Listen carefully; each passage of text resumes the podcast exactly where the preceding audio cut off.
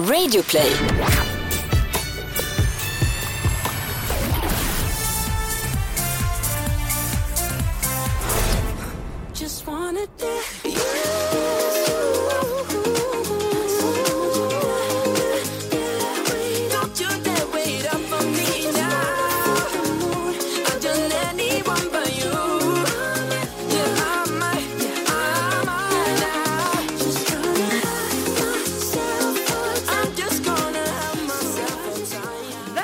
Till Schlagerfesten. Alltså jag tröttnar inte på den här låten. Den växer för mig faktiskt för varje gång. Är det så? Nu var det ju inte så länge sedan som den kom för all del, men, men nej, det- vi har inte tröttnat på den än och vi ska ju få höra den länge nu hela vägen fram till Eurovision Song Jag Contest tänkte i säga det. Lissabon. Det är tur att vi inte är less på den för vi kommer få höra den till leda. Ja, vi är Ja. bara halvvägs igenom eh, dens livstid i alla fall minst. Ja, det skulle jag säga. Den kommer ju bli historisk. Den 10 maj, då är det ju dags för den andra semifinalen i Eurovision Song Contest. Där Sverige är med. Där är Sverige med eh, och då tävlar Benjamin Ingrosso för Sverige med eh, Dance You Off. Jajamän, och vi rundade ju av hela Melodifestivalen här i söndags. Väldigt trött, men ändå gjort nu. Ja, det tyckte jag var en moralisk seger för oss, det måste jag säga. Ja, och jag tycker att jag har återhämtat mig med min röstkvalitet. Ja men det är helt otroligt. Eller hur? Det är som dag och natt. Har du varit tyst i tre dagar? Det har jag absolut inte varit tyvärr. Jag önskar att jag kunde säga ja på den. Men Anders, du har fortfarande kvar lite sexy voice. Jag har fortfarande, jag party voice föredrar jag att kalla. Party voice. Men det, nej, den är fortfarande kvar, men vi- jag ska se till att den är i ordning till Lissabon, jag lovar. Två månader. Fram tills dess. Den här podden heter alltså Schlagerfesten och handlar om allting som har med Melodifestivalen att göra. Vi har varit på melloturnén i sex veckor helt enkelt och hittat våran vinnare. Och nu ska vi blicka framåt mot Eurovision Song Contest. Mello-EM. Ja, och just nu så pågår ju naturligtvis förberedelserna för fullt eh, nere i Lissabon. Den här veckan har det varit Head of Delegation Meeting som det heter, det vill säga alla delegationers liksom överhuvuden åker dit, har ett möte, får information, lämnar formellt ifrån sig sina bidrag och, och så vidare. Och, Och det är Christer Björkman för Sverige. Nej, för, Nej, för. Sverige är det Karin Gunnarsson Jaha. eh, som gör sitt första år därför att eh, Christer Björkman är tävlingsproducent. Så han är Igen. Med, han är med det här igen. eh, vilket till exempel betyder att han kommer att sätta startordningen. Oh! Så att det, där händer ju ganska mycket just nu. De, börjar ju närma sig. Eh, bråttom, bråttom för att få allting på plats. En som vet väldigt mycket om hur det är att jobba så här tätt inpå eller när det närmar sig, det är ju Edvard af Sillén som ju skrev manus och regisserade eh, Eurovision Song Contest de två gångerna vi haft det nu i Sverige. 2013 i Malmö och 2016 i Stockholm. Och han var ju vår gäst förra veckan när vi pratade om hur det är att kommentera Eurovision och sådär. Och han hade ju så mycket att berätta även om åren 2013 och 2016 så vi tänkte att ja, men vi sparar väl det och tar det den här veckan istället. Det var nog ganska, det var så många tänkbara programledare att gå med 2013 för vi hade liksom Sarah Dawn Finer precis slagit igenom i Mello som jag, gjorde, som jag gjorde med henne och Gina också. Sen hade vi Karina Berg, vi hade Christian Lok eh, och så hade vi Petra. Eh, så, alltså, som någon som jag glömt bort antagligen. Det var ju väldigt många som det snackades om, Petra var ganska långt ner. Jag hade nog alltid en dröm om, Pe- alltså från natten vi vann i Baku så satt Christer Björkman och jag klockan typ sex på morgonen på hans hotellrum, bara vi två och eh, tog ett sista glas och bara pratade om vad, vad har vi varit med om nu? Vilken, det här var ju en livsdröm för honom och en livsdröm för mig. Och då satt vi där och, då hade vi fått nys om att vi skulle erbjudas jobbet och då, så kom, då pratade vi om det. Och då var det direkt så här, vem tänker du? Och, och han bara, jag tänker på en och jag bara, ja, ja, men så sa vi det samtidigt, ett, två, tre, Petra med det. Eh, därför att det var någonting med det. Gina hade varit en utmärkt väg att gå, skitduktig, begåvad, ung tjej som också stod för en multikultur. Liksom. Det fanns så mycket spännande med henne som var viktigt att visa upp. Sarah såklart hade gjort det skitbra förstås.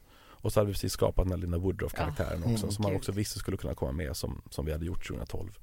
Men grejen med Petra var att det var någonting så lockande tycker jag med att få göra Eurovision Song Contest som i alla år hade liksom haft tre stycken modeller i princip som ska stå och skrika Mm. och vara snygga och vara liksom och vara innehållslösa tycker jag. Men Petra, tänk att få göra Eurovision med liksom en, en småbarnsmorsa med dålig rygg som var 40 plus. Det var någonting så lockande med det tycker jag, någonting så, så svenskt med det, att lyfta fram en, en karaktär, en personlighet, en människa Mm. som var relaterbar, som, som kunde stå för någonting, en stark kvinna som har levt. Var det svårt att förankra det högre upp i SVTs ledning som jag antar var involverade i det här Ja, valet? ja, det var ju tusen människor som skulle godkänna det här. Mm. Ehm, nej men jag tror att, att vi la fram en ganska tydlig vision, både jag och Christer, som var det här ser vi framför oss. Så här, så här ska tonen vara. Vi ska vinna över Europa med humor. Mm. Och därför var det Petra. Därför att humor hade inte funnits i Eurovision på många år, förutom ofrivillig humor. Exakt.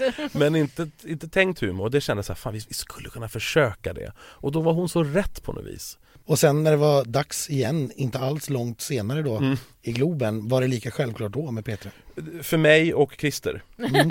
var det det. Där var det mer tungrot. Mm. Faktiskt, för då var det många tankar. För att vi, när, när, när hade vi fått det igen och hur gör vi då? Hur förändrar vi? Och, och, och, så då var det, då, var- det var många, många möten och många möjligheter. Jag tyckte alltid det var självklart. Mm. För vi hade lyckats skapa någonting helt unikt i Sverige. Vi hade lyckats skapa en Eurovision-stjärna i Petra. Som hela Eurovision-publiken tyckte om. Till och med BBC hade tagit över oss till det här fem- 60-årsjubileet som Graham Precis. Norton gjorde med Petra. Med Petra ja. Du Mm. vet, vi har ju skapat någonting unikt. Så det är klart hon ska stå där igen. Och, Och men, men, så- men en till Ja, så vi kan göra en förändring. Precis. Hur tänkte man när man tog vinnaren från? Liksom? då, då tänkte man så här, vi är de enda, alltså Sverige, Ja. som vet att han också är en bra programledare. Ja, Det vet ju inte ja. Europa. Europa tror att han bara är en popkille. Exakt. Men han kan ju tala franska, Mm. han kan tala utmärkt engelska, han kan programleda och det vet inte Europa. Så det kändes som en sån perfekt liksom artistisk Swiss Army knife på Mm. något vis att ställa honom där. Plus att då förändring från 13, Petra och en till. Och med honom kan vi göra ännu mer shownummer. Ja men och det vart ju också förvånande tror jag för många att så här, jaha förra årets vinnare går helt plötsligt in och Ja. är programledare. Ja. Det är en häftig idé. Och den föddes, på, den föddes på natten i Wien, är eh, där han, med vin förstås inblandat kan jag ju säga. Men nej men där på efterfesten så redan då så kom jag ihåg att Christer och vi satt där med, med Måns och Christer, Christer tog upp det med honom. Ja. Och han, och han, han, det var tydligt att han direkt ville det. Hur, hur var det att jobba med Petra och Måns tillsammans? Alltså med, eh, jag har ju fått bilden utav Petra även inte Mm. privat men liksom på scenen så är hon ju väldigt mycket uppmärksamhet på henne. Hur var det att dela scen upplevde hon? Det gick jättebra Ja. faktiskt. För det är ju nästan en karaktär som hon kliver in i. Men den karaktären mår ju också väldigt bra utav att stå med en gentleman bredvid sig. Det är kanske en sak att sätta Petra med tre till kvinnor. Det vet Ja. inte jag vad som händer då. Det är säkert jättespännande men, men, men det är en annan grej. Men att ställa henne med en kavaljer Mm. eh, är desto roligare. För då, då kan hon, för Petra älskar ju att skämta om folk. Och att driva med någon och roasta någon lite. Och det bästa att veta med Petra är att hon också älskar när hon får det tillbaka. För det är, en del människor som är elaka mot andra är jättekänsliga själva. Men, men, men snälla rara, du måste kunna ta det själv också. Eh, men Petra, hon blir ju överlycklig om någon driver med henne på ett bra, hon jublar ju. Så att därför passade det så bra att vi kunde skapa den här jargongen med de två, att de kunde liksom reta varandra. Eh, och det blev ju bra. Love, Love, Peace, Peace är ju ett nummer Ja, som vi herre. fortfarande pratar om faktiskt flera år senare. Overkligt att det där numret skulle bli så stort. Alltså det som har varit gem- gemensamt för mina Eurovision-år har ju varit att, att vi har liksom satsat hårt på en mellanakt. 2013 gjorde vi Swedish Smorgasbord och sen 16 så hade vi då det här framförallt då Love Love Peace Peace. Och det här är ju mardrömslika nummer att göra därför att vi hade liksom över 50 människor på scen i dräkter och med liksom plåtar och med hamsterhjul. Det var så mycket, så trafiken har varit det jobbiga där. Och, om man tittar någon gång på Love Love Peace Peace, titta på den och tänk på jobbet som ligger bakom när alla ska synas i bild och sen vara borta ur bild. Det bärs liksom det, det, alla som var i arenan som inte såg numret i bild såg ju bara liksom en, en kakafoni av folk som rusade med saker. För det var så mycket som skulle in på så kort tid och, och likaså med Swedish Smorgasbord. Ja. Och det varit jättesvårt att repa. Och första gången vi repade Swedish Smorgasbord så, så det var en katastrof. Det var en vecka innan sändning och vi fick lite tid, man får ju väldigt lite tid på scen när man är innehåll. För det, det mest tiden på scen går ju till de tävlande länderna. Och sen kommer vi upp då med våra 60 människor och liksom barnvagnar och Carola och en kvinna i Köttbullsdräkter. Ja. de steppande köttbullarna. Och det första repet gick så dåligt, ingenting satt, allt gick fel och jag bara stod, jag kommer stod och grät eh, på parketten. jag var helt knäckt för jag bara, vi kommer aldrig få ihop det här. Och man vet, det vet vi alla, alla har ju jobb, alla har chefer eh, hoppas jag. De flesta av oss har chefer och man vet att om man inte levererar då kommer chefen väl komma väldigt snart och vara mer orolig än du själv är. Och så var det ju. Då kom ju chefen och bara, nej men det här kommer, kommer ni få ihop det här?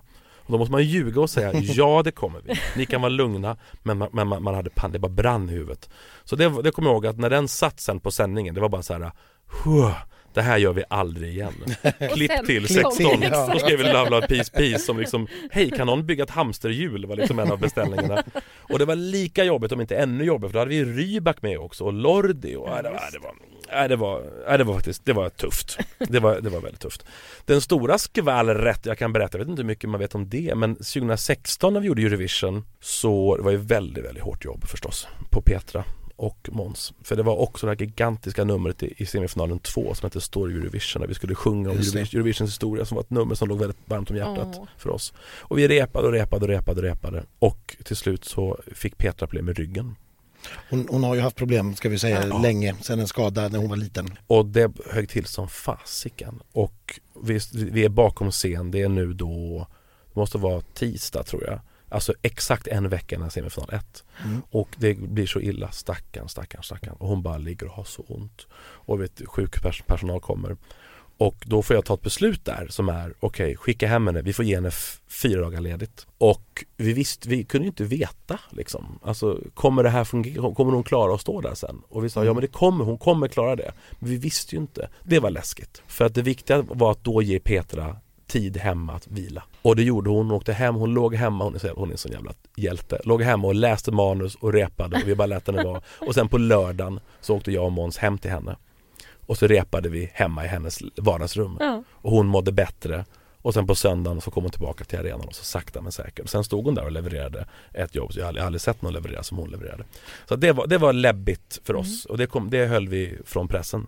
Vad hade ni gjort om det inte hade gått? Jag tänkte säga det, vad gör man? Det fanns backup-planer som togs i bruk. Och mer än så kan jag inte säga. Nej, det förstår jag. Det förstår jag. Men, men det, det, var ju, det var ju aldrig, det, det fick ju inte bli så. Vi, vi visste ju att hon, hon kommer klara det här. Nu åker vi till Lissabon.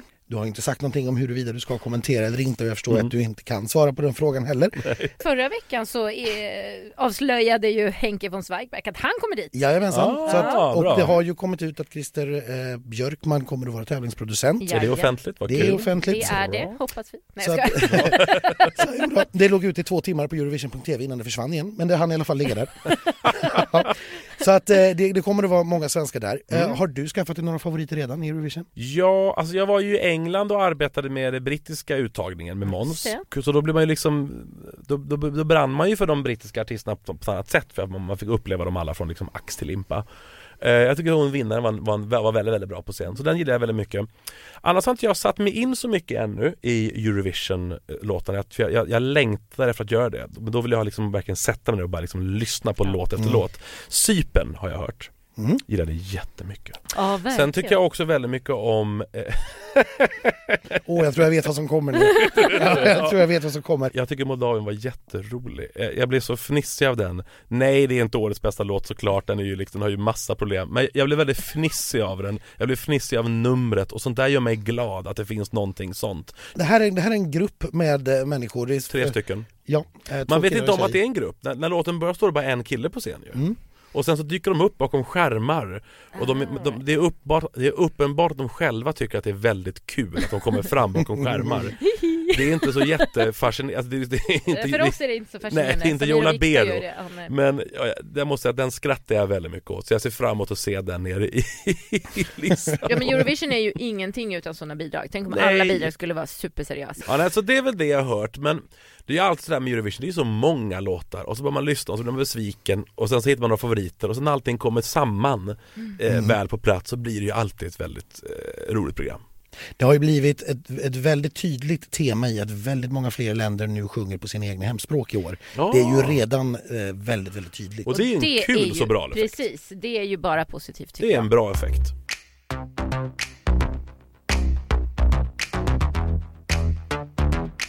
Vi, kan inte göra en hel djupdykning ner i Eurovision för det skulle ta oss sex veckor ungefär. Vi gjorde det här för två år sedan Anders. Ja, det, är- det är 43 låtar, det är lite för många och vi, vi tror inte att, alltså, vi, tror, vi är knappt så intresserade själva Nej. och då tror vi inte att ni som lyssnar är det heller. Så vi har valt att fokusera lite grann på de som vi, vi har svenska intressen i. Ja, För då har vi till exempel i Finland, där har vi svenska låtskrivare, eh, Monsters med Sara Alto,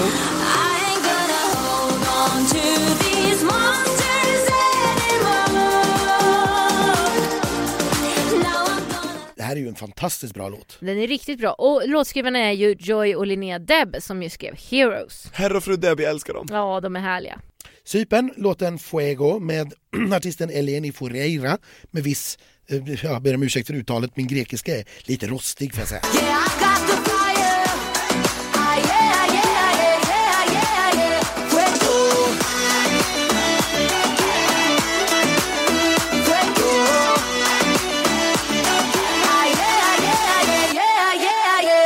har vi på låtskrivarlistan Anders Wrethov som ju skrev Mendes låt till Melodifestivalen. Gud, det kommer vara som att vara på Melodifestivalen igen nere i Lissabon.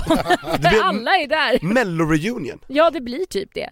Eh, Bulgarien har också svenska låtskrivare, de har satt ihop en supergrupp i år. Brukar inte gå så jättebra Nej. för dem. Eh, Men det är samma låtskrivare som skrev Bulgarien förra året. Och den var ju svinigt bra, jag hejade på den. Den kommer ju tvåa.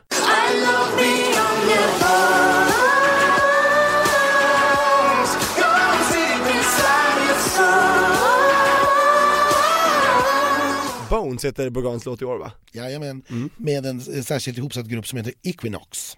Och låtskrivarna? De svenska låtskrivarna i eh, Bulgariens låt heter alltså Joakim Persson och Dag Lundberg. Joakim Persson har faktiskt också varit med och skrivit Österrikes bidrag Nobody But You, sjungen av en Cesar Sampson. Oh, Eh, och här har vi också?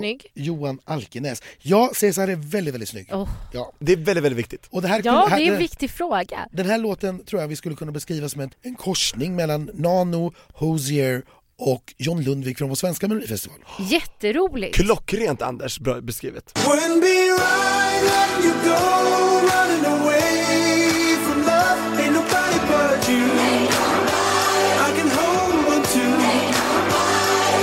Och på tal om snygg och trevlig. Det är inte dig jag ska prata om Tobias. äh, Kolla på mig. Ja, Eh, polska bidraget. också svenskt. Ja, för det är en svensk kille som heter Lucas Meyer. Eller ja, han heter väl Lukas Meyer då. Han Lukas kommer från. Ulricehamn. Just det. Han var ju där på efterfesten. Det var han. Super, super härlig och trevlig. Han ville att vi skulle titta på hans magrutor. Ja, jag kollade på hans skägg och hatt bara. Ja, jag fick aldrig se de här magrutorna. Nej. Jag sa nämligen att Mariette hade världens snyggaste magrutor och då sa han du har inte sett mina än. Oj vad han ville eh, inviten där till dig. Oj oj oj. Synd att jag gick hem med någon annan. Eller hur?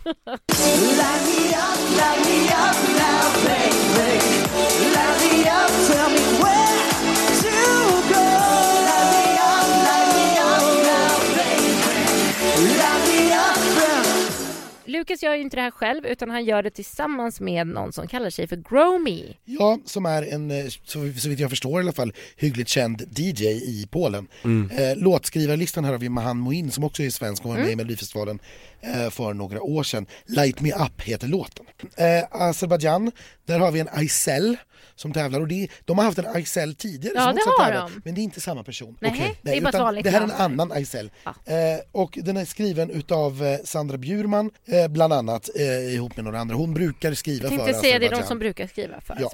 Mm. Eh, Stefan Örn brukar vara med där också, men nu är det bara Sandra den här gången. Okej, hon har okay, förresten undrar vad som har hänt med Stefan. Nonetheless skrev hon i Melodifestivalen till Marie Bergman en gång i tiden. Just Oj just det. Eh, Cross My Heart heter den, jag tycker den här är jättebra.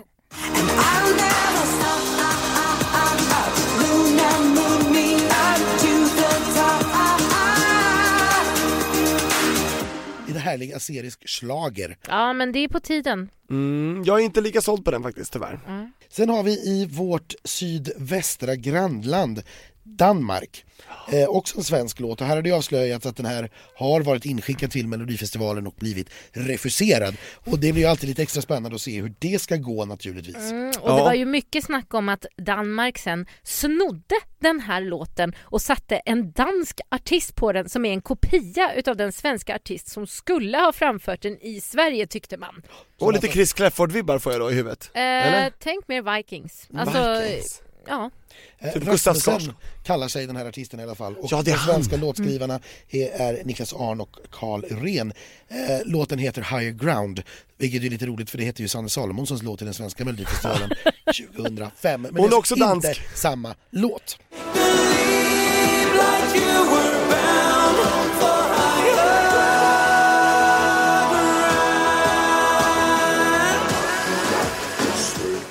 Det är bra att vi är med i samma deltävling som Danmark, kan man förvänta sig lite broderpoäng där kanske? Det tror jag och jag tror att hur de, sura de är. Nej jag det, det tror jag och jag tror att de förväntar sig några tillbaka. Ja, Det kommer de inte få av mig. vi lovar ingenting.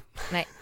Vi har en gammal eh, 80-talsfavorit faktiskt, John Ballard, eh, som ihop med det ryska schlagervidundret Filip Kirkorov, vi kan jämföra honom med en rysk Bert Karlsson, eh, har skrivit det moldaviska bidraget My Lucky Day.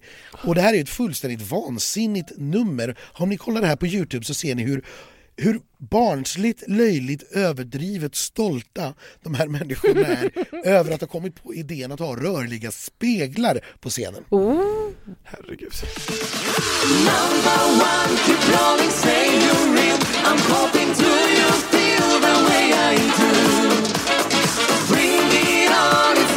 Hur ska detta sluta? Jag, jag kände så här, kunde de komma trea med den där saxofondyngan förra året? Åh jag älskar den. Dynga. Hej mamma, hej mamma. På den lilla mysiga ön Malta har man en jättestor sångtävling som nästan hela befolkningen tittar på. Är det Molly Pettersson Hammar igen? Nej, det är Nej. inte Molly Pettersson Hammar. Eh, den här gången är det eh, Thomas Gesson Ja! som eh, har varit med och skrivit en låt ihop med Johnny Sanchez, som också är svensk, eh, Men- och Christabel Borge som eh, sjunger den och låten heter Taboo. Break the taboo before we all become animals, animals.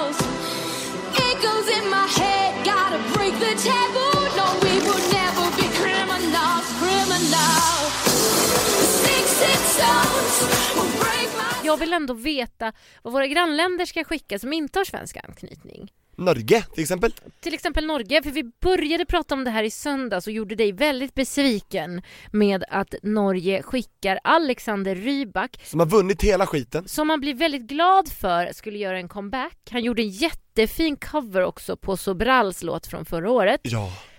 Men så skickar han den här dyngan och Norge väljer det. How to write a song.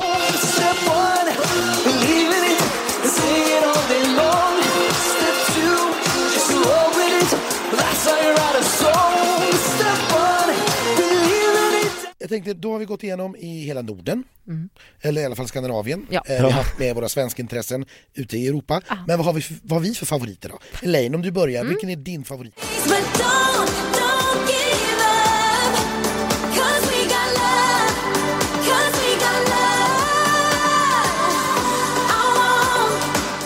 Australiens Jessica Mauboy, som är min favorit, har faktiskt eh, Benjis låtskrivare skrivit en låt till tidigare. Så det finns en liten koppling till våran Benjamin här. Sen har ju faktiskt eh, Jessica sjungit eh, som mellanakt i Eurovision Song Contest 2014. Ja precis, innan Australien fick vara med och tävla i Eurovision så Bara- bjöds de in att göra en mellanakt i finalen. Ja. Som en liten så här vänskaplig snäll gest. och då skickade de dit Jessica Ja. som sjöng så falskt så att jag trodde att den här skeppshangaren skulle falla ihop. eh, finns också på Youtube för den som vill titta. Så att vi får se om hon har tagit sig samman den här gången eller om det låter lika illa. Ja men jag gillar verkligen låten, den är poppig och glad precis som jag. Eh, så det här har jag valt ut, för Australien har jag gillat jättemycket vartenda år sedan de kom med. Så jag känner att jag, jag kan inte ge upp nu. Eh, om jag ska fortsätta då, så jag har valt en låt som ligger ganska högt upp på oddslistorna. Senast jag kollade så låg den trea. Eh, och det är inte så mycket för att jag själv tycker om det här utan för att jag tror stenhårt på den här låten och det här framträdandet. Det är Tjeckien som kanske är Eurovisions absolut sämsta land nu när till och med Portugal har vunnit. Eh, på sina tre första försök så lyckades man sammanlagt skrapa ihop 10 poäng. Ja. Eh, första gången man var i final, då fick man noll poäng av tittarna i finalen. Och det var här i, i Stockholm. Eh, men nu byter man spår, man har haft väldigt trista ballader de tre senaste åren. Nu byter man spår och så skickar man en, ja, för er som förstår vad jag menar, väldigt tjeckisk kille. En check kille. Ja, en Alltså checka ut Är han honom. lika check som Benjamin? Det är han faktiskt. Och jag skulle också säga att låtarna, de är inte lika, men de är inte heller på olika planeter direkt.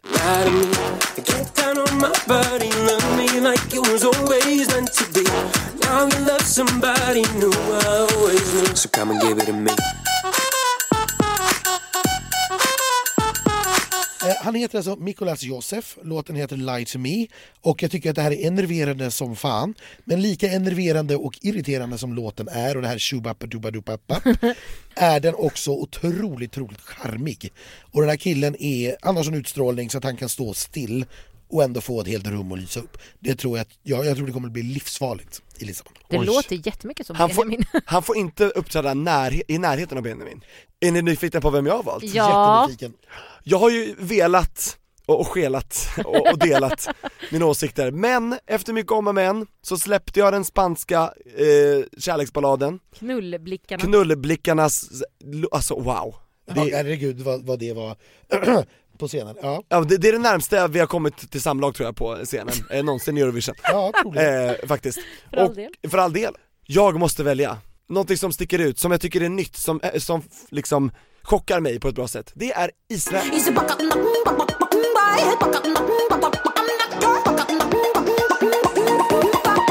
I'm not your toy, här är lite spännande för att den här låten släpptes ju nu i helgen faktiskt, den var väldigt sent ut. Eh, men den här har ju direkt blivit en jättesnackis. En viral hit. Ja, på, i, i liksom Eurovision-kretsar. Den är eh, stor favorit nu på alla oddslistor. Ja.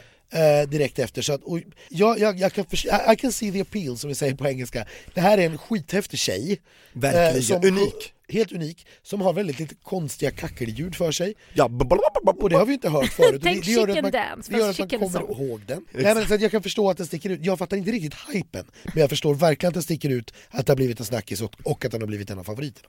Achla achla. Det betyder bra bra på eh, hebreiska. Ja, okej. För jag ska inte säga sitsim miafim, för det betyder schyssta lökar. Så det, ja, men det har de kanske. ja, det, det har absolut, hon har en väldigt eh, fin hylla. Ja. Oj, But she ain't your toy boy. Men då så, då har vi väl ändå kanske förberett oss så gott vi nu kan. Vi har ju fortfarande två månader på oss här och lyssna in oss på alla låtarna och spekulera och komma fram och tillbaka till vad vi tycker och sen naturligtvis tycka helt annorlunda när vi har sett det live. Ja, det här kan ju vara ett av de flummigaste inför Eurovision-programmen ni har hört. Men vi är fortfarande lite trötta eh, efter Melodifestivalens turné. Men vi fortsätter ju uppdatera våra sociala medier även fast vi nu lägger ner den här podden för tillfället. Ja. För nu är vi klara. Vi har fått en vinnare i Melodifestivalen och vi har gått igenom de största snackisarna inom Eurovision. Precis. Så se till att följa oss för härliga uppdateringar på Schlagerfesten, Instagram och Facebook. Vi kommer fortsätta uppdatera er, dela lite bidrag. När vi ändrar åsikt kanske vi skriver det där. Och sen kommer ju faktiskt några av oss, eller alla av oss, vi får se vad som händer. Eh, I alla fall åtminstone Anders kommer vara i Lissabon och därifrån uppdatera er på sociala medier. på plats. Och jag ska säga att för dig som inte har biljetter än, det släpps nya, de sista biljetterna 5 Men april. jag såg det, jag fick ett pressmeddelande. Så att för du som inte har biljett, du har fortfarande chans att eh, haffa biljetter till eh, tävlingen. Ja, och Lissabon i maj är otroligt trevligt. Även om man kanske inte får till den direktsända finalen så brukar det alltid finnas biljetter till semifinalen. Sverige tävlar på torsdagen, semifinal 2. Finns nästan alltid biljetter till genrep och som du säger, Lissabon i maj. Ja. Det tackar man väl inte nej till? Nej, Oh verkligen nej, inte. oh nej. All aboard! Men hörni, tack så jättemycket för det här året. Tack för att ni har stått ut med mig i sex veckor. Tack detsamma för att jag fick hoppa på, på, hoppa på den här skutan. Det var Ja, jättekul att hoppa hoppas in. du haft roligt. Jättekul, bara kul. Ja, nej, det har varit sex fantastiska veckor. Eh, för oss har det ju varit längre, vi har förberett oss och det, så. Men eh, nej, det är lite tomt nu, det är lite separationsångest. Ja, det ska känns lite konstigt att vi inte ska ses varje vecka. Ja, Eller varje dag, som vi har gjort nästintill. exakt. Hoppa på ett försenat tåg någonstans i Sverige. Ja, den, just den delen kanske jag inte är så glad att slippa. Nej. Eller, Eller jag är så ledsen Jo. att slippa. Det kommer jag inte sakna precis ja. Nej. Nej, men gud, nu, nu lägger vi ner det här innan vi börjar gråta och ja, man hör redan fiolerna börja spelas där utanför. ja, vi är för nostalgiska. Ska Ja. vi avsluta med förra årets Eurovision-vinnare? Sobral, Som man Portugal. vet, som man minns. Ja just det. Kan du sjunga med till den?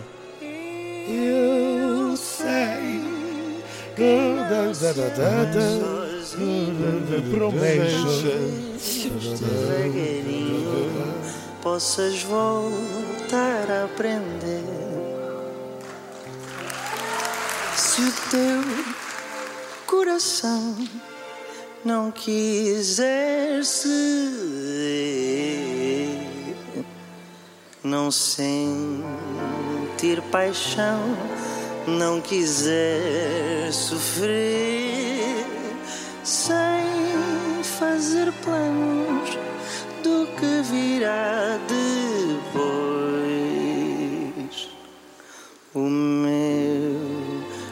coração pode amar pelo